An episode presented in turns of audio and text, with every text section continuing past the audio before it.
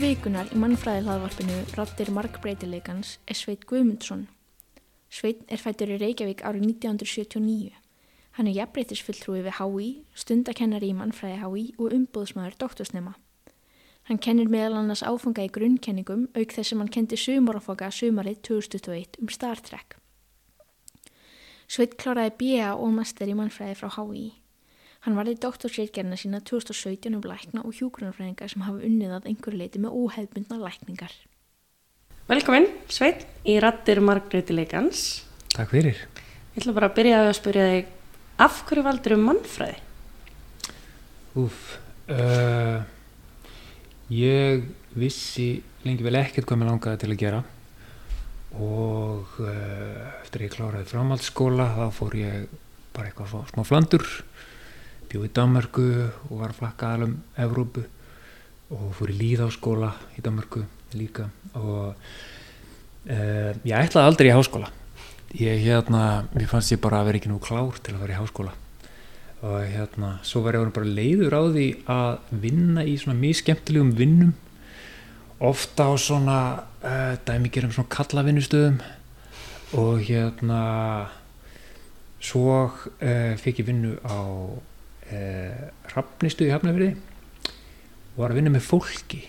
Og það var bara hérna, bara, ég fekk bara huglum bara vá, ég þarf að vinna með fólki. Þetta er gaman. Og uh, samstagsfólk mitt að ég var eini strákurinn á, á deildinni. Þannig að samstagskonur mínar þær voru að segja, já farði í hjókunarfræðina farði í læknin ég hef engan áhuga á því þessu svona þessu ummennunar já, sko, já, þetta félagslega. Já. við erum með fólkið, tala við fólkið ég var að heyra svo skemmtilega sögur. Og hérna þannig að það var svona smá vísbytting og svo heyrði ég bara um þetta mannfræði og ég vissi ekki alveg hvað það var. En ákvaði að prófa bara að hérna, skrá mér í hagaskólan og prófaði uh, skráði mér í mannfræði. En var svo að pröfa hinn og þess aðfanga íslensku félagsfræði, heimsbyggi, sálfræði og uh, já, hinn var þessu. En mannfræðin, sko ég fann það var eitthvað þar, ég áttaði mikið fyrst að hvað það var. Uh, það var eitthvað við bara svona hugmyndafræðina.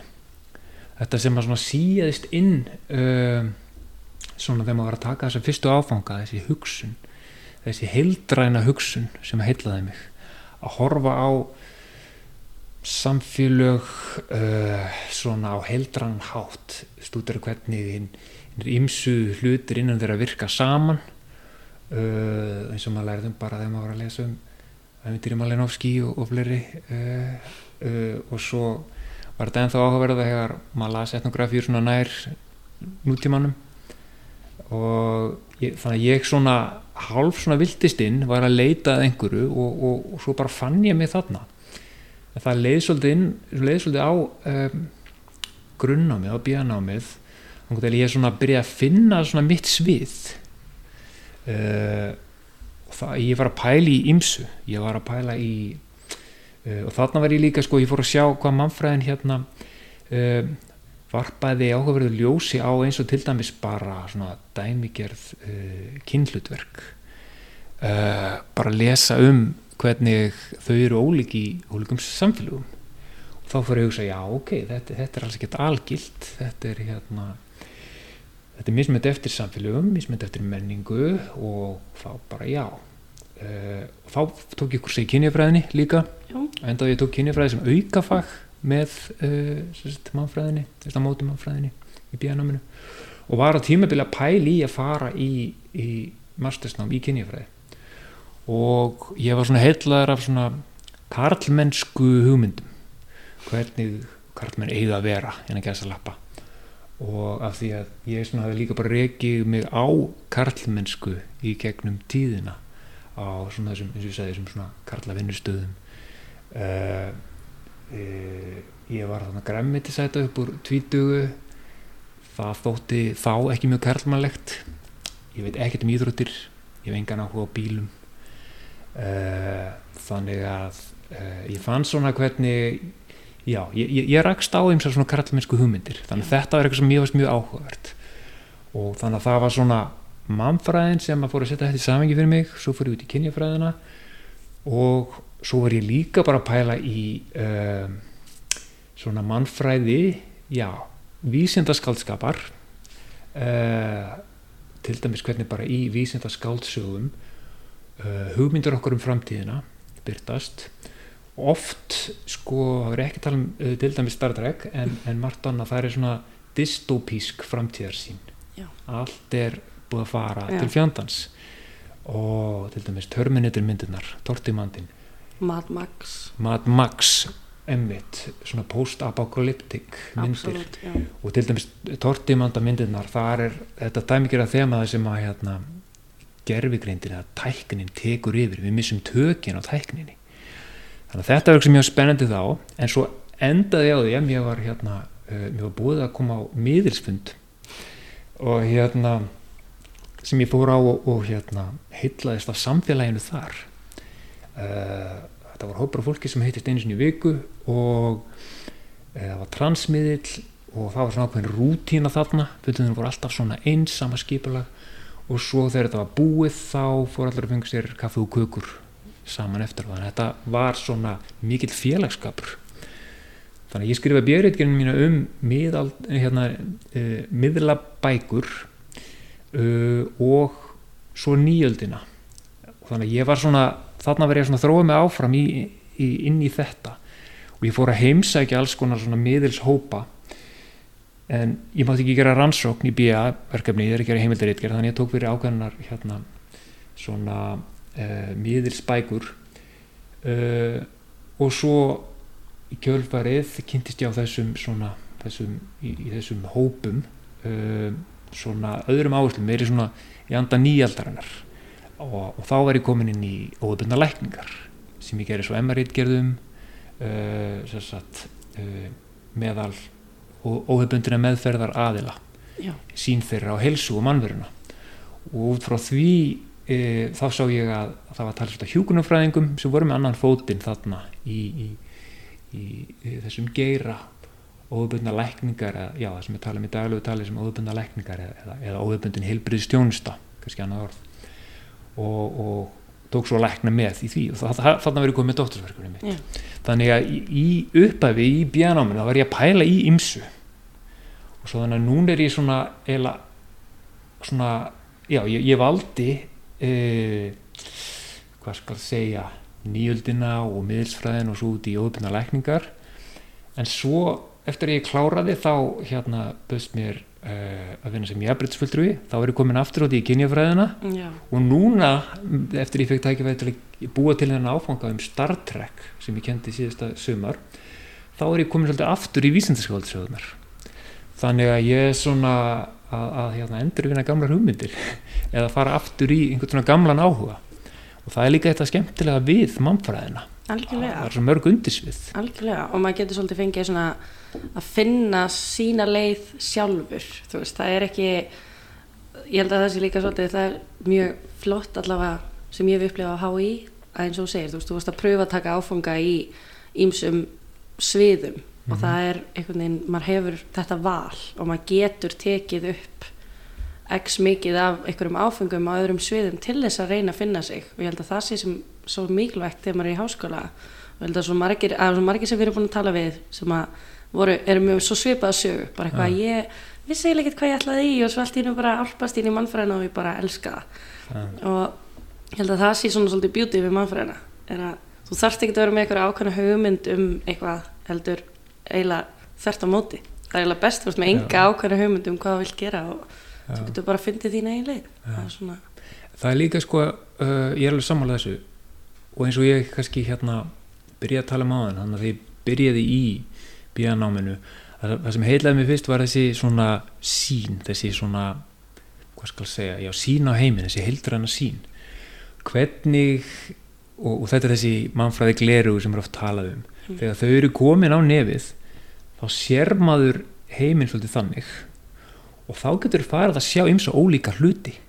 Algjörlega. Þannig að allavega ég, ég, ég tengi við það uh, og, og það er það sem ég er að nota rosalega mikið í, í vinnu minni sem ég aðbreytisfulltrúi upp í HÍ það er uh, bara mannfræði bakgrunnur minn.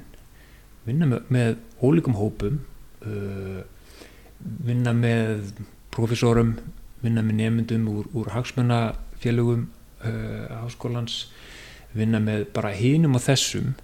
Stundum uh, samstarf við fólk í öðrum háskólum eða, eða bara út fyrir háskólana. Erlend samstarf. Uh, þetta sko mannfræði gleiri hún eru alltaf kyrfilega þarna á nefinu og mér finnst það gagnast mér. Já, ég held að já, ég, ég sveipa að sögja að segja því ég byrjaði í öðru námi og, og var, en það var svona hluta til mannfræði. Og það er með þetta, mann heitlast miklu meira ég heitlast miklu meira mannfræði áfangunum út af því að ég fór alltaf inn að sjá allt öðruvísi, hvernig allt virkaði og ég er alls samlega, það er svona þannig merkilegt hvað maður getur kviknað á einhverju peru bara því að maður byrjar alltaf inn að skoða tekur svona skrif aftur og bakk og skoða með öðrum. En eins og þú veist að segja, þú kendir hennan áfanga um Star Trek í sumar Já.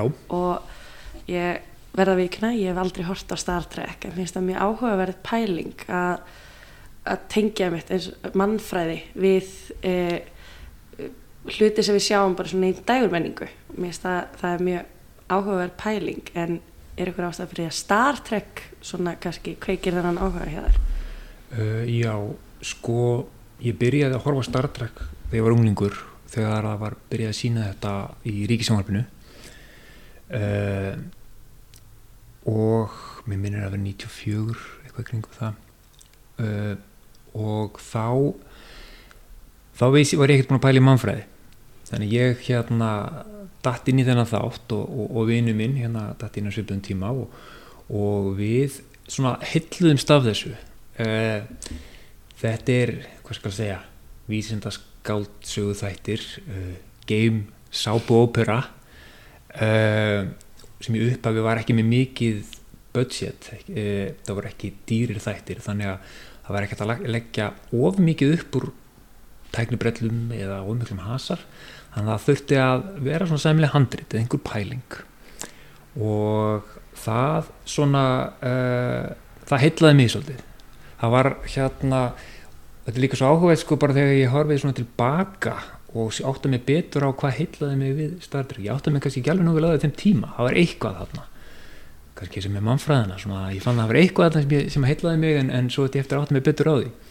Uh, það er það að hérna grunn hugmyndin með Star Trek eins og Gene Roddenberry sem að hérna, hún skapar í Star Trek lagði upp með það er útópísk framtíðarsýn.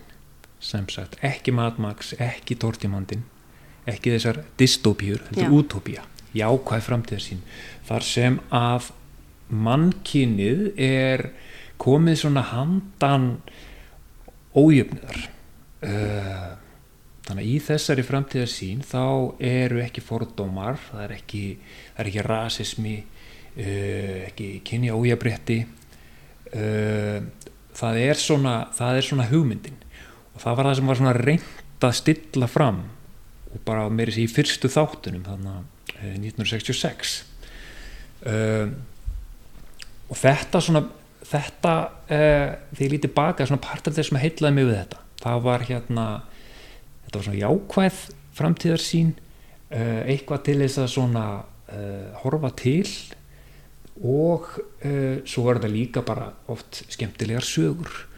Og já, ég, ég hef gaman að vísindaskáldsögum þær eru leið til að ræða ímismál stundum undir rós ef að þess þarf ef að það er hérna, erfitt að ræða á annan hátt.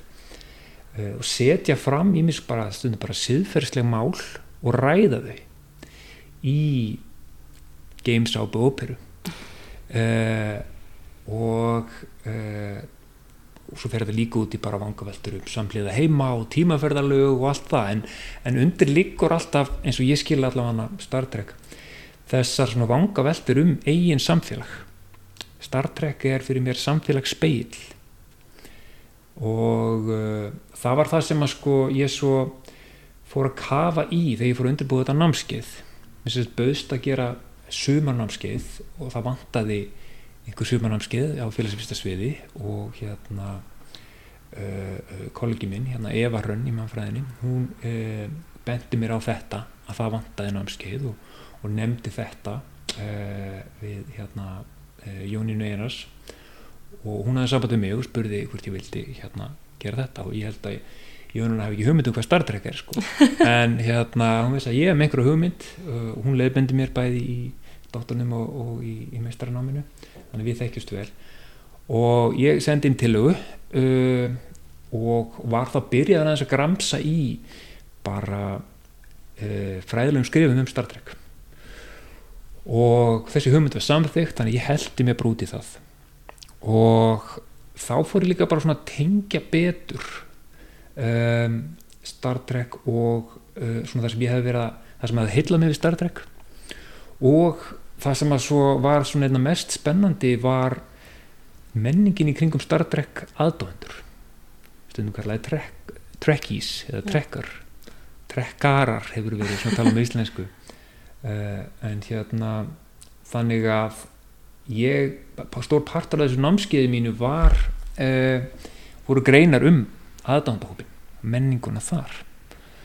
En, en það sem að svona það, það er einmitt, það, þar kom einmitt fram í þessum hérna, greinum sem ég var að lesa uh, byggði þetta upp á mannfræðskrifum eins og tók ég líka uh, skrifur úr, úr öðrum fögum.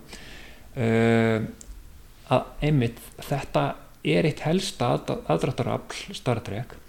Það er þessi jákaða framtíðarsýn þessi jöfnur og uh, það sem ég svona byrjaði á að svona láta uh, nefndurna að lesa að setja fyrir það voru greinar eftir uh, tvo mannfræðinga Michael Chindra sem að skrifaði mjög áhugaverða grein þar sem hann ber Star Trek saman við skilgreiningar á nútíma trúarbröðum uh, sem er mjög áhugavert af því að Star Trek er uh, mjög svona tækni miðað og vísinda higgju miðað uh, en Michael Chindra er að, er að, sagt, að skoða boðskapin og svo aðdáðandahópin hvernig þessi sterkja aðdáðandahópur sem hefur um, til dæmi sko eftir að Star Trek fyrstu þættinir þarna sem voru síndir 1966 þau hafa búið sínaði eitt ár það átt að hætta framlýslu þeirra.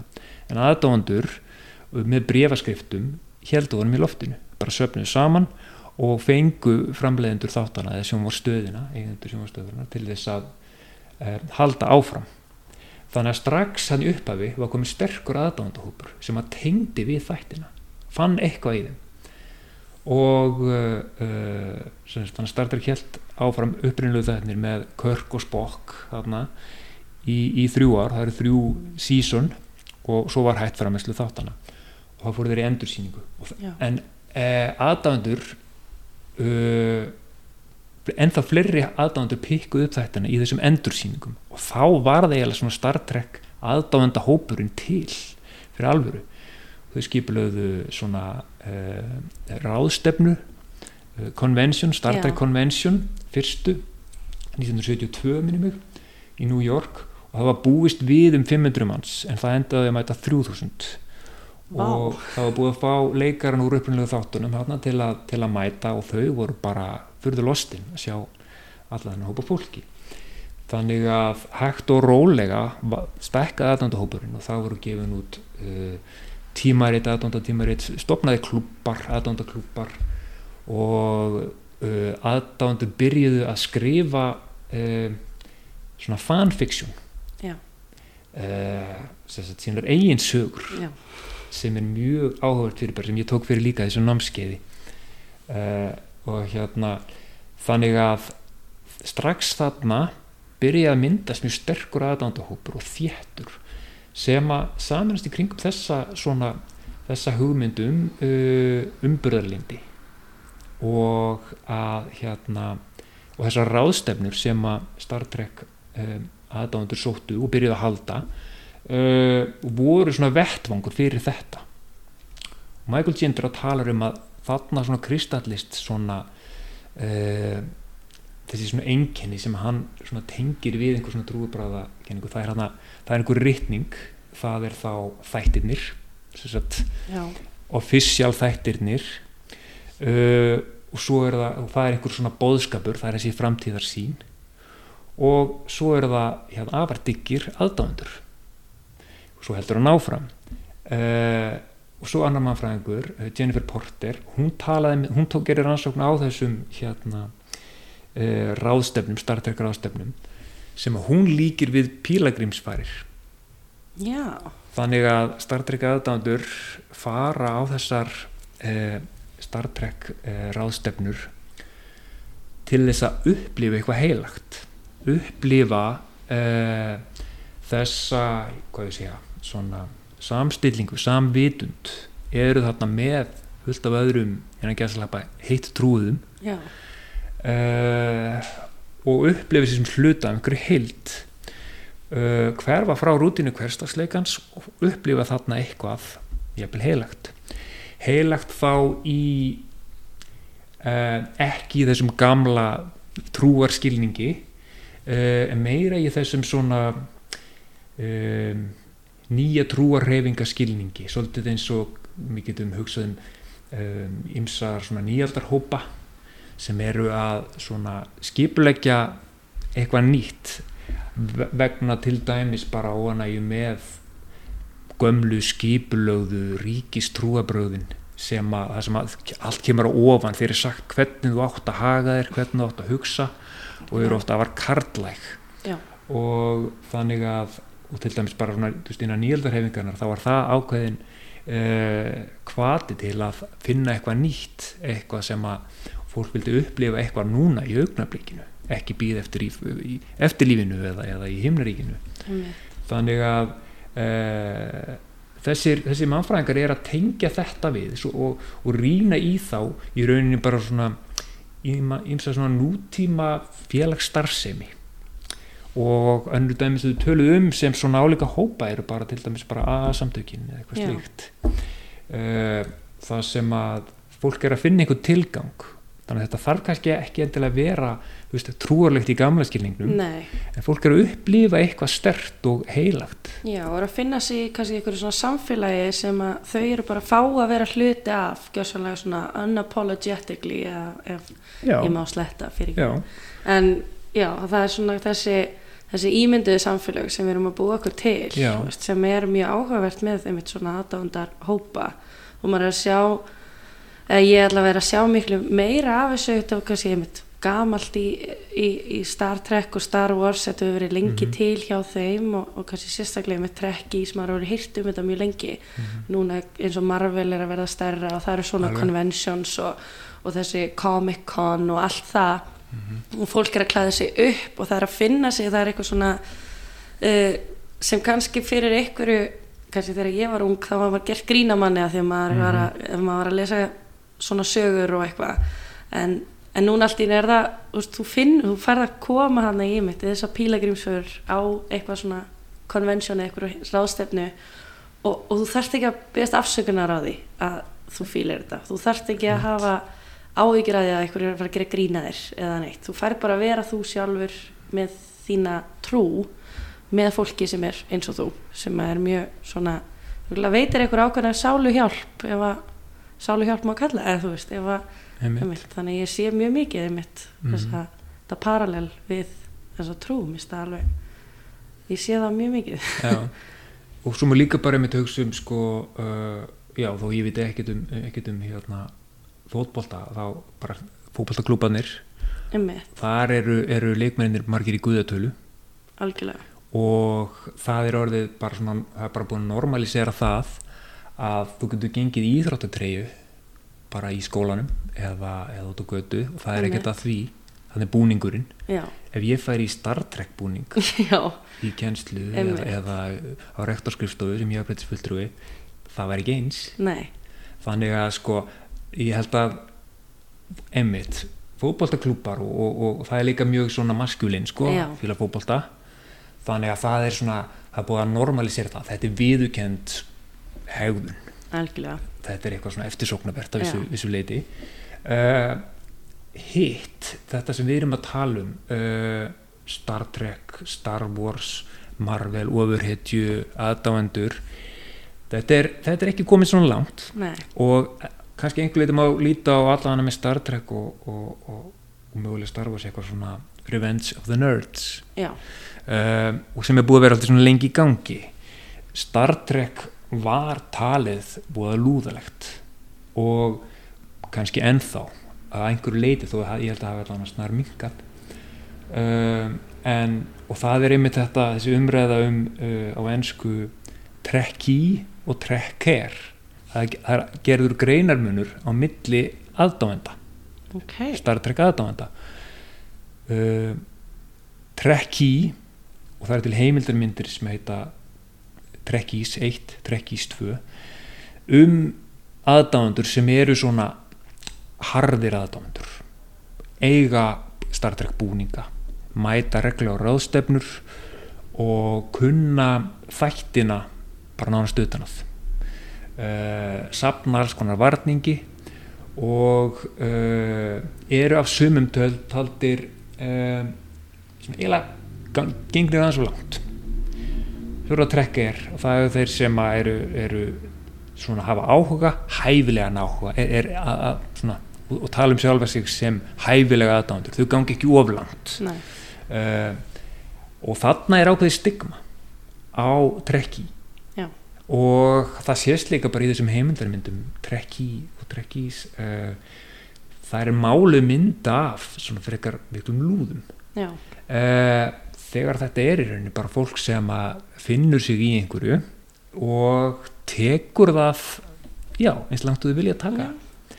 Uh, finna sig í þessari, þessari, þessari grunn hugmynd um bara umbörðalindi og, og, og, og hérna já, þessari jákvæðu framtíðar sín og uh, þannig að þetta er svona það sem ég var svona byrjað með að leggja upp með í þessu námskeiði og, og ég hérna ég hef mjög gaman af undirbúað og gaman af að kenna það. Það var mjög skemmtilegur hópur sem að uh, nýmynda hópur þarna. Og þetta var þarna uh, þetta var allt á netinu uh, við vorum með hérna, umræðutíma á netinu. Já, en það náði að vera rosalega fínar umræður og mér fannst við ná svona um, þetta var svona örugt rými. Við vorum bara svona að tala um uh, uh, þættina greinarnar og velta upp rosalega mikið þessari svona mannréttinda baráttu sem að þættinni spegla. Já, eins og til dæmis bara í fyrstu þátturum þarna um, upphaflega það var að gera, gera svona pilot uh, svona pröfu þáttur og þá var áhafnin ekki eins og hún varð, varð í endalega útgáfin af þáttunum en þar var sem sagt sko uh, það var, já, kafteit hvítur karlmaður og uh, mannskja nummið tvö eða næst æðsta mannskjan á gameskipinu var svona alvöru gefin kona. Og svo voru fleiri áfninni og það var gerðið þessi pröfuð áttur og svo var hérna hann var síndur fyrir áhörvendum uh, sem að þótti jú, margt gott þarna en þessi kona þarna sem var næst æðst á skipinu hún var ekki náðu trúverður já, þetta var eiginlega aðeins of uh, þetta, þetta var ekki í anda tíðarandans. Já, eða svona allavega ekki að mati einhverja góðborgara í, bandaríkjunum sem voru þessum pröfuþætti þannig að sjónvarstöðin setti ákveðna skorður að það þurfti að skipta út eitthvað. Og þá var þessi endalega útgáfa það var, hérna, það var annar uh, hvítur kaftið uh, næst aðsti var annar karlmaður, það var þá Spock sem var þá geimvera með oddmjó eiru uh, en það sem að Gene Roddenberry skapari Star Trek náði að hafa inni var að uh, í svona aðal áöfninni í brunni, the bridge sagt, stjórn stöðinni þar var svört kona og asískur kallmaður og uh, rússi og þetta voru tímum kaldastriðsins Já. sem að þá líka var svolítið áhugavert uh, og þetta strax sko bara þetta þó að svona þátturinn hafi ennþá verið svona þó hann hafi verið svona meira karlægur heldur en ekki og meira snúðust um svona aðal personar voru leiknar hvítum karlmannum þá bara þetta að það voru þarna í aðstu stöðunum í framtíðinni svona fjölbreyttur hópur það stutti þessa grunn hugmynd og það heillaði marga við þættina. Uh, og hérna og svo einmitt hérna uh, 1968 þá var einu þættinum um, uh, atvik eða sagt, já, atriði sem hafði talsverð áhrif þá var sagt, koss á milli Körk hérna, kapteinsins og Uhura svörtu konunar í, í áöfninni og þetta var eitt af fáu skipturum sem að, á þessum tíma sem að uh, svört manneskja og hvít manneskja kistust Já, þetta Og- er já 1968 68 þarna. Já, ári áður var fyrst leift uh, hjónaband sem sagt, hvítra og svartra í Já. Og sama ár þarna 68 þá var hérna uh, Dr. Martin Luther King yngri skotin Já. þannig að þetta er ólgu tími í bandaríkjunum og þegar þessi þáttu var síndur þá uh, uh, hótuð einhverjar uh, sjónvastöður í Suðuríkjum bandaríkjana að sína ekki þáttinn eða, eða að hætta sína startek þættina af því að þetta þótti svo svakalegt þannig að sko strax þarna þó að Gene Roddenberry sem að startaði þessu hafi vilja að hafa þetta svona jafnara eða rótækara þá þurfti hann að mála miðla og þetta er líka svona það sem að og maður sér þetta þegar maður horfir á gömlu þættina með, með augum nútímans uh, þá er ímislegt svona mjög karlagt í þeim. Uh, þannig að uh, en, en ímislegt sem að svo svona byrjaði að slípast á hægt og róla en það er líka sko er, þessi þættir finnst mér spegla einmitt sko samtíman þegar Já. þeir eru hérna síndir og gerðir á ímsan hátt þeir sína þessa svona olgu í samfélaginu uh, hvað má, hvað má ekki það mátti þarna sína ímislegt af því að þetta var í framtíðinni Já. og þetta var bópuru della þá komst þetta í gegnum Það náði yfir það. stjórnina hjá sjónvarstöðinni já. og þetta er svona triksið hjá Star Trek eins og ég sé það að koma málum í gegn, umræðu efnum í gegnum þessa game dellu þannig að og það var eitt þáttur í hérna upprunlegu seríunni þarna uh, sem að var uh, þá er, er Gameskip Enterprise þau hitta hérna uh, tvö lítil Gameskip sem eru eiga í, í útistöðum er að, er að skjóta hvort annað og, og, og, og hérna uh, hefja svona einhverja diplomatískar umræður einu sem til friðar og við fyrstu sín virðast sko, það er einn maður í hverju skipi virðast þeir líta eins út. Uh, svo og, og, og, og áfnum fyrir að spyrja bara hvað, hva, af hverju eru þið að rífa svona? Bara sér það ekki, hann er alltaf öðru sin ég. Nei, hann er alltaf öðru sin ég. Þá er hérna, það er annar sem sagt, hvítur hagra megin og svartur vinstra megin á andlitinu og hinn öfugt. Já, þannig að þetta var svona og, og áfnum var svona bara, hvaða kjánar eru þið að láta þetta eitthvað aðskilja ykkur. Þarna var bara svona senda þetta út á þessum tíma. Já, hérna bara taka upp eitthvað málefni setja ákveðin svona skilbúð við það og það er ekki allir sem að kannski átt að sá þess að því þetta er bara einhver heimskur game þáttur, þetta er einhver della. En fólk er kannski svona móttækilegri fyrir þessum skip, eða svona skilabóðum að því það er að koma í gegnum dægumál, að því það er að koma já, það er ekki verið að stafa onni þig að taka umræðuna sem að alltaf þarf þú að byrja og eitthvað svona þannig heldur ertu bara að horfa á þátt og svo bara býtu þetta er eitthvað að meikar alveg sens þannig að þetta er já, mjög svona sniðu leið til þess að að koma með alls konar að, og kannski minni predikun Já. og, og þetta held áfram svona í eins og formi í Star Trek og svo voru gerðir uh, nýjir þættir byrjuð 98 minni mig uh, Next Generation, þá kom ný áhöfn og þá var breytt sko inngangsorðum þáttana uh, úr hana uh, to boldly go where no man has gone before eins og var í upprunlegu þáttunum 66 til uh, uh, 69 í nýju þáttunum var þetta where no one has gone before. Já, þetta átti þá að vera svona smá merki um að þeir að taka svona kynjavinkilin aðeins Já. lengra og í, í þeim þáttum er það er ennþá hvítur kafteinn en hann er ekki eins mikill alfagur. Hann er ekki eins, svona, ekki eins mikill töffari. Uh, og hann leikir af Patrick Stewart sem er svona ennskur sjentilmaður og þannig að hann er meiri diplomat er ekki eins mikið að svona uh, ráðast á skjóta og spyrja spurninga setna eins og Körk var meira í upprunlegu þáttunum.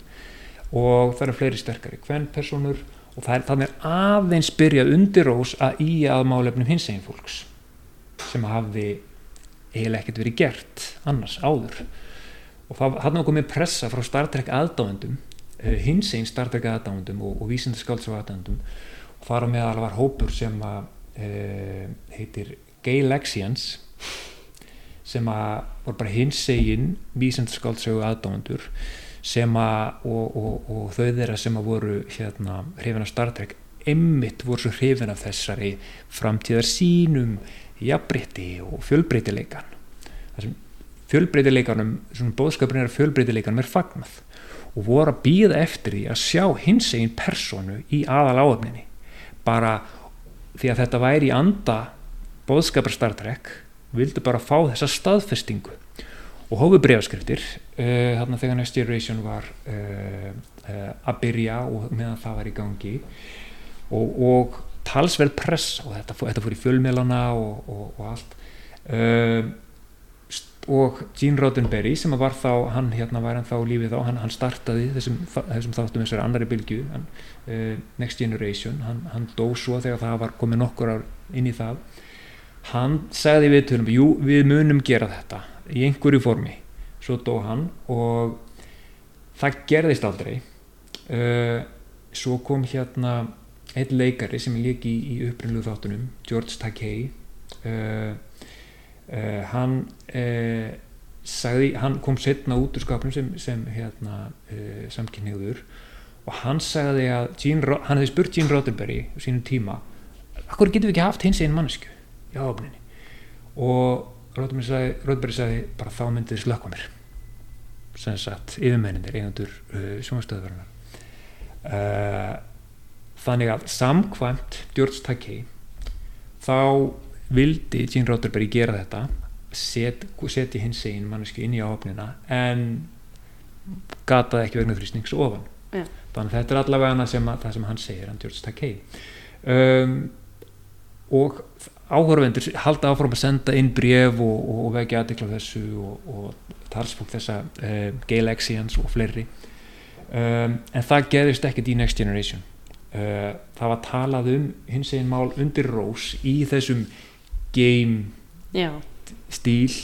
Það var svona um, já nok no nokkri þættir snúast um þetta. Þannig að það er talað um þetta undir rós og svo líður og býður og, og það er ekki fyrir en sko í, þegar myndin það voru gerð endurgerðar uh, hérna Star Trek uh, Star Trek var svona rebootað uh, 2006 J.J. Abrams fekk þarna stort budget og, og, og gerði sest, endurgerði tímabilið þarna með Körk og Spock sem var í uppröndlegu þáttunum. Fekk unga leikara og hérna fyrktar svolítið í Star Trek heiminum þar í, í hérna eh, einni myndinni eh, síðustu myndinni sem að minnum við sem komið 2000 og uh, hvað kom hann 2016 þá hérna þá sínir hann einn karakter uh, karakterin Sulu sem að George Takei leg upphaflega í gamlega þáttunum.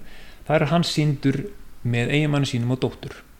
Þannig að þarna kom, þetta er bara eitt atriði það sem að uh, þeir hittast, faðmast og það er svona sínt að hins einn fólk er í Star Trek í framtíðinni. Voða lítið aðrið og einhverstað las ég að það hefði verið tekið upp aðrið þessum að þeir kistust en það hefði verið svo klift út úr endalegri útgafu myndarinnar. Já.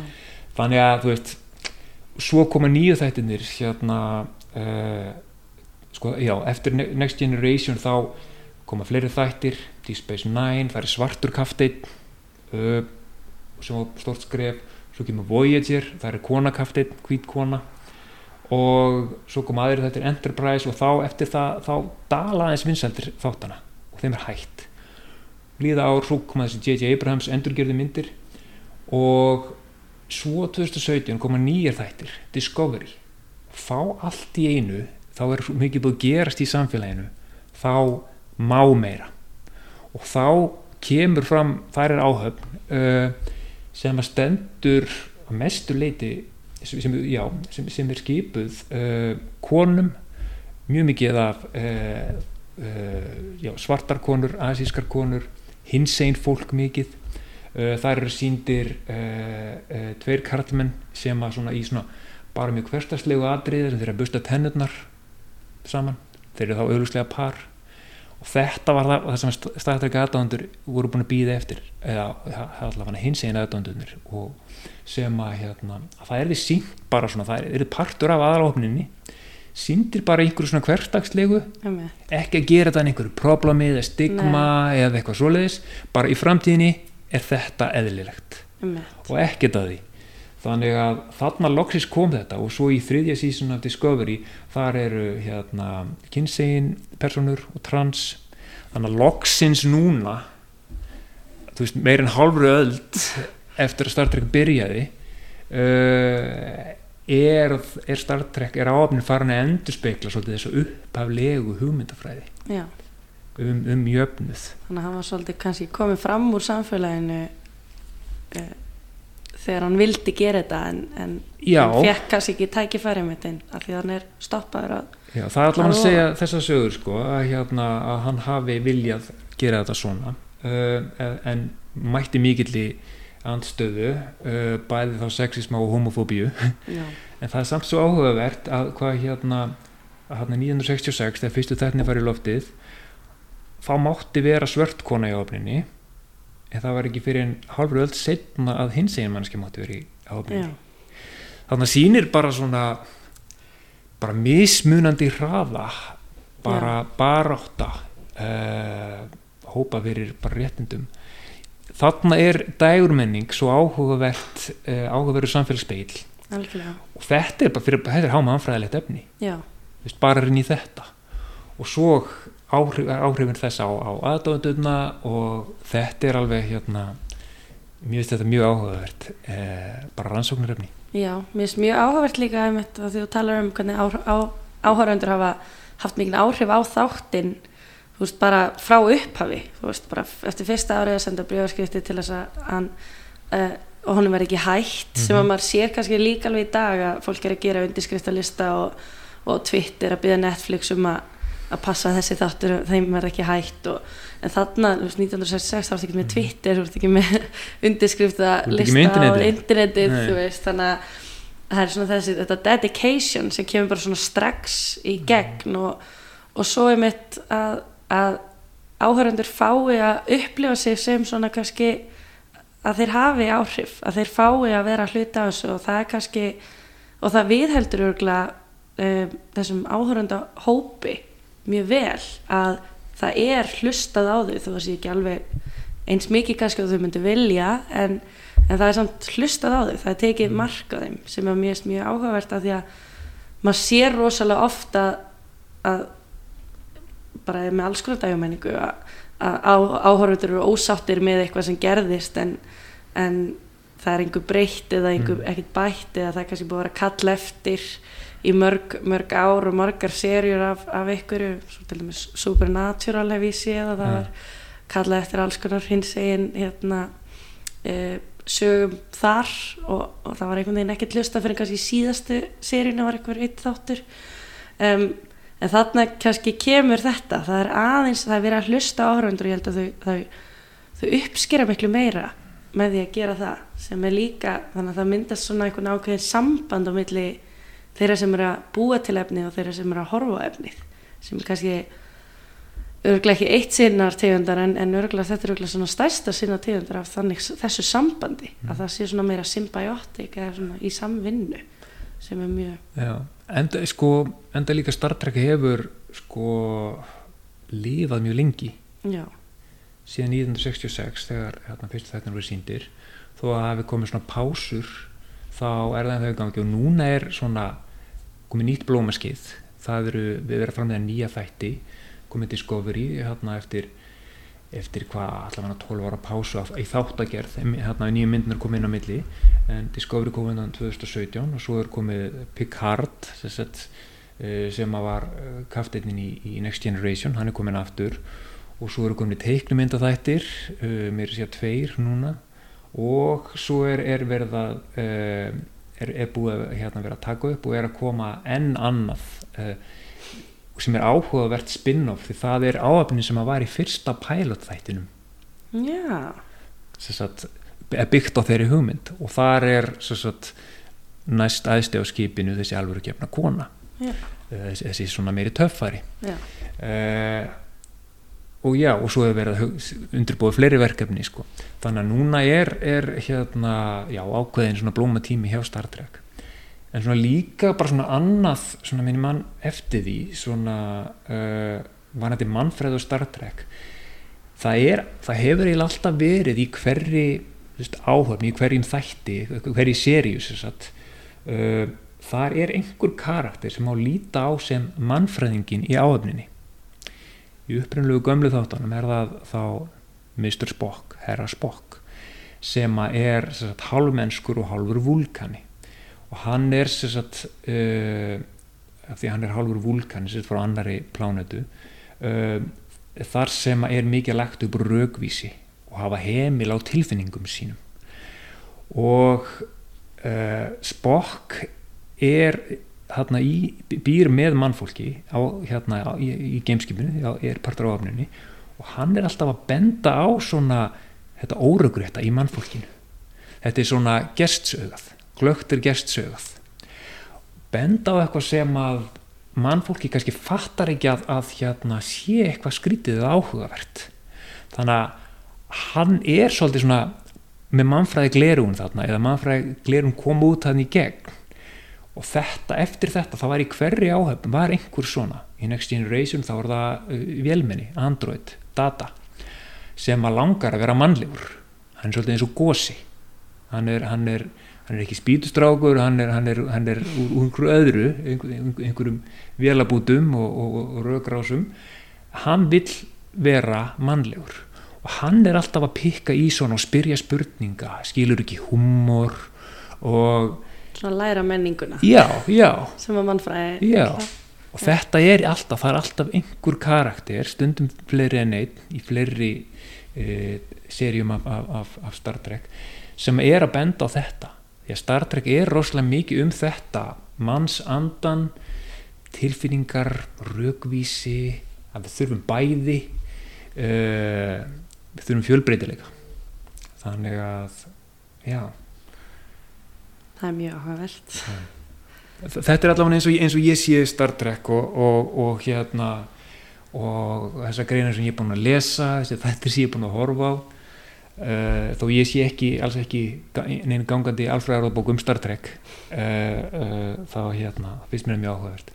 Ég held nefnilega líka þú veist, það var allir alveg heyrt um Star Trek auðvitað að svona mm. allavega flestir hafa heyrt um Star Trek það er ofta um að tala um Star Wars eða Star Trek Já, og, og maður veit alveg af þess en maður kannski veit ekki hversu djúft þetta liggur hjá, hjá sumu fólki og, og hvað, ég veit hvað þetta þýðir fyrir sumt fólki, ég held að veit að tala um hennar fjölbreytileika sem byrjar bara strax þegar þetta kemur út, þá er strax með þessi fjölbreytileiki og, og hvað það getur þýtt fyrir svo mikið af fólki. Og þetta uh, þessi sín eða að sína mismunandi fólk á skjánum sem er oft verið að kalla eftir meiri sér ennþanda í dag. Og það er oft verið að byggja um, um að auka þetta uh, þennan sínileika fólks hins eginn fólks fólk uh, uh, asíst, af asískum uppruna svart fólk að vera að reyna að opna þetta þannig að við að því að heimurinn okkar er fjölbreytur og, og þegar hún lappar niður götu þú veist, er, það er fjölbreytileiki þar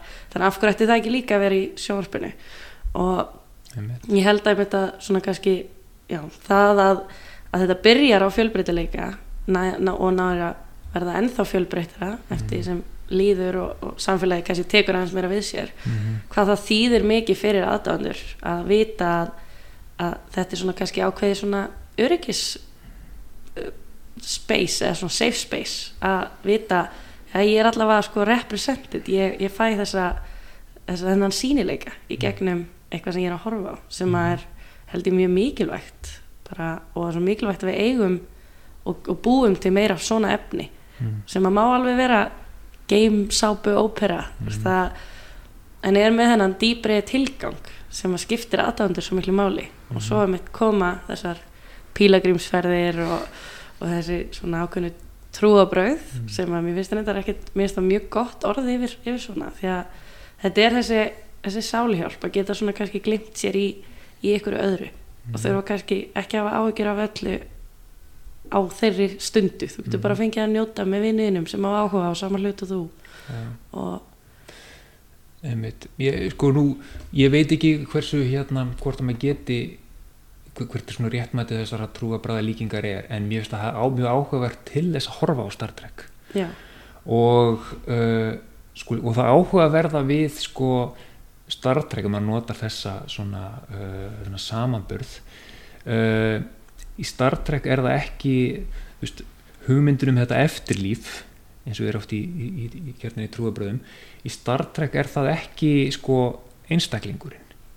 Heldur er það mannkynnið í heild sem að öðlast ákveður sko ekki himnaríki en bjartari framtíð sérst, þá er það mannkinn í held í framtíðinni það er ekki ég sem að eftir döðan fyrir himnaríki heldur það við í held það er þessi heldar sín sem kemur hann aðeins inn í. Að, og það er það áhugaverða með aðdáðanda hópi, nú kemur þetta þessi, þessi grunn hugmynd um jöfnuð og hann, hann sé þannig í framtíðinni. Og þetta er kvartning fyrir þetta sem aðdándur hafa greint frá þetta er að hafa kvartu til þess að fara í ákveðin störf. Eitthvað sem að stuðlar að einhverju jákvæðu í þessum skipulögu Star Trek hópum sem að kalla sig Starfleet eða stjörnufloti uh, og það eru ólíka deildir við um heim það eitt af sko markmiðum þeirra er að sinna góðgerðamálum þannig að það er verið að vinna markvist að þessari framtíðar sín þannig er komin þessi mögulega þessi, þessi rytning og þessi bóðskapur sem að Michael Gindra talar um í, í sínum skrifum. Uh, Star Trek með þessari hugmyndafræði sem kemur fram í þáttunum uh, er að skila sér til trekkara Star Trek aðdáðanda að því leitinu til að uh, þau eru að taka þetta í, í, líka bara í, hverstaslegt lífsitt og uh, þó þú sé- sæki svo í pílgrinsværi eða hvað sem þau kalla það og upplifið það uh, það er eitthvað svona sameigilegt eða heilagt þá eru þau að byrja að vinna að framtíðar síninni sem kemur fram í Star Trek. Reyna að búa til svona opnara, betra samfélag sem Já, já. Og, uh, og það sem að sko mér langar að gera núna er að hérna uh, ég var með einindurinn á þjóðaspeglunum um daginn þar sem ég var að tala um, um, um, um þetta efni. Og ég byrjaði að gera svona, mér langar að, mér langar að rannsaka þetta meðal Star Trek aðdáðand á Íslandi og bera saman við litteratúrun úti og ég byrjaði bara á því að gera svona smá fjölmiðla greiningu og það kom mér óvart hvað er búið að hérna hvað það- var mikið til viðtöl bæði í, í sjónvarsviðtöl og í, í dagblöðum viðtöl við Star Trek aðdóndur um hvað heillið þau við þættina. Og þar kemur fram þetta sama, það er þessi hugmyndafræði það er þetta, þetta jákvæða.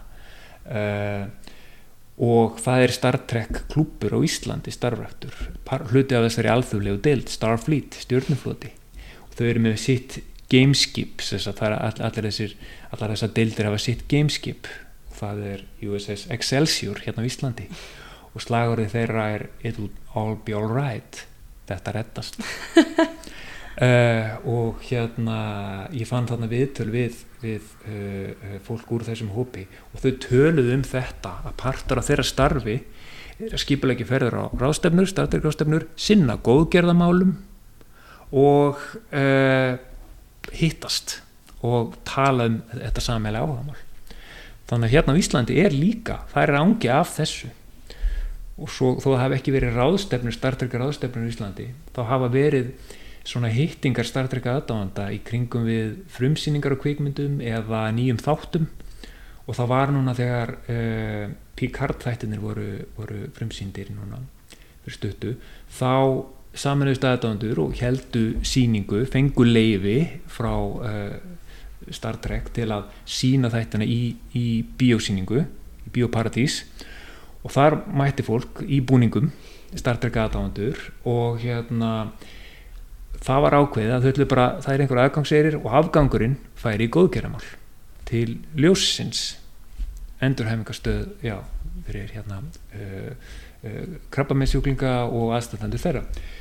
Og einn af uh, Star Trek aðdándunum uh, fekk vinnustæðin sinn til að borga bara alla síninguna þannig að allur ágóðinn, mér minna verið 100 áskall fór til ljósins Vá, þannig að þannig er Star Trek aðdándur að gera þetta sinna góðgerðamálum og það áhugaverða var að einn ef skipleikitum þessa viðburðar sag- var í viðtali í, í, í, í ykkur, ég held að vera fréttablaðinu var að lýsa, já þetta er svona góð, góð hóp upplifun og hann sagði, þetta er eins og að fara í góða messu. Vá, en fyndið. Ég bara, takk, þetta er einmitt það sem ég vantar. Þetta rýmar svo við erlenda litteratúrin Já, þannig að þetta er það sem ég langar að gera og næsta skrif er núna því ég klára þessa fjölmjölegreiningu er að bara fara að taka viðtöl Já. og sjá hvort það leiði mig hvort þetta sé efni í grein eða allavega allavega hana fyrirlestur. Já. Þetta er alltaf mjög áhugavert dæmi að því eins og fyrir mig sem hefur aldrei hort á Star Trek þá ég er eiginlega bara smá langar að byrja að horfa á Star Trek. Að því þetta hljómar eins og mjög miklu svona ég held að mitt bara kannski an, öðrum, an, öðrum dagur svona málum þá kannski ofta mitt verið litaður upp þessi nördi þessi sem Já. að fylgist með mitt hvort sem það var Star Wars eða, Star Wars eða Star Trek eða, Mhm. eða hvað það er alltaf litað upp sem svona nördin. Já, þannig að það er sko auglýsingin í öðrum dægumálum er ekkert alltaf svo besta. Nei, nei, einmitt. En ég hef alveg vinni sem að horfa á Star Trek og, og dyrka það og finnst það æði og, og það, þetta er einmitt þetta maður fyrir að kafa eins dýbra onni í málin. Þú veist, hvað þýðir þetta fyrir fólk? Hvað er, hver er hugsunin á baki þetta? Er þetta bara eitthvað fólk að hlaupa um geiminn og berast í geimverur eða eitthvað, eða er eitthvað Já. meira á bakvið sem að maður kannski missir af af því að maður er svo uppfullur af einhverjum bara fordómum eða svona ekki kannski fordómum og þannig Mhm. hátt að maður væri eitthvað en jú, alveg þannig. Ekki þannig að maður væri eitthvað á móti nei heldur meira bara svona hefur eitthvað ákveðna sín á, Mhm, á popkultúr og hvernig hann er breytilegur og svona, þannig að vísinlega skjáldsögur líka hefði ekki til allra. Já, uh, þarna eru hérna það sem mörgum fyrst oft hluti vera mjög órunverulegir eða, eða, eða svona fjarlægir. En, en uh, er er tækifæri til þess að velta upp málum? Og sumir aðdóndar hafa einmitt talað um að svona þessi bóðskapur Star Trek er skýrari í þáttunum heldur en kvikmyndunum. Því þáttunum sko til dæmis eins og ég sagði þú veist oft var aðeins minna budget þar sko. Þá þurftu, að koma með einhverja svona pælingu. Og þetta er það sem er líður á þættina sko, sérstaklega eftir, eftir Next Generation byrjar þarna og setna, þá er eins og þau taki fyrir ákveðin málefni varpið þeim fram, þau eru ekki endilega að leysa þau. Nei, sem er líka svo skemmtilegt því sum, eins og við vitum bara úr mannfræðinu og úr akademíunni mál, sko, mörg mál eru rosalega flókin. Og það er ekkert sko e- eitt gott svar, eitt rétt svar. Nei. En uh, ef einhver þáttur fæði mann til þess að hugsa og, og upplega einhver svona skrifna tilfinningar uh, vera svona bæði með á móti og eitthvað vera svolítið ringlaður, já, það er gaman. Absolutt. Og, og þetta sé ekki svona þessi predikun eitthvað svona eitthvað. standi yfir á messi við þér með já, þú þarft að hafa þessa skoðun og þetta er ástæðan fyrir að þetta er rétt og eitthvað. Það, og þú færði að horfa á einmitt, eitthvað fólk hlaupa um geiminn og berjast í geimverjur eða eitthvað. Já. en á miðan ert að læra eitthvað að, og einmitt byrja að hugsa og byrja að pæla Mhm. og kannski einmitt setja upp þessi mannfræði gleru já, og rökrætt svo áfram. Já, bara með vinnuðinum absolutt. Þannig að já, ég, ég, ég er það heppin að ég á nokkra vinni sem að hérna uh, horfa á Star Trek og hérna við getum alveg, alveg glemt okkur yfir þessu sko. Þannig að þegar, þegar við erum að tala um Star Trek þá hugsa ég, ég ætla þessi svona að fylgjast með ennska boltanum. Já, öruglega ég held að sé Veist, þa- Þarna er eitthvað sem að, veist, maður, maður, eitthvað sem maður skilur, maður svona tilheyrir einhverju leiti og, og setur svo inn í þekki rytninguna, bóðskapin og getur talað þetta fagmál. Uh, eða kannski eins og að, að, að þeir mannfræðingar að tala saman.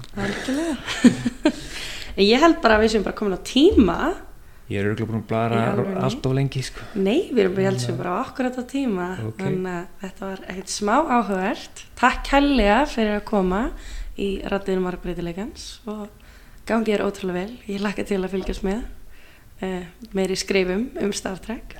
Takk fyrir að leiða mér að koma. Já, og, og hérna, já, Velkomin aftur. Takk fyrir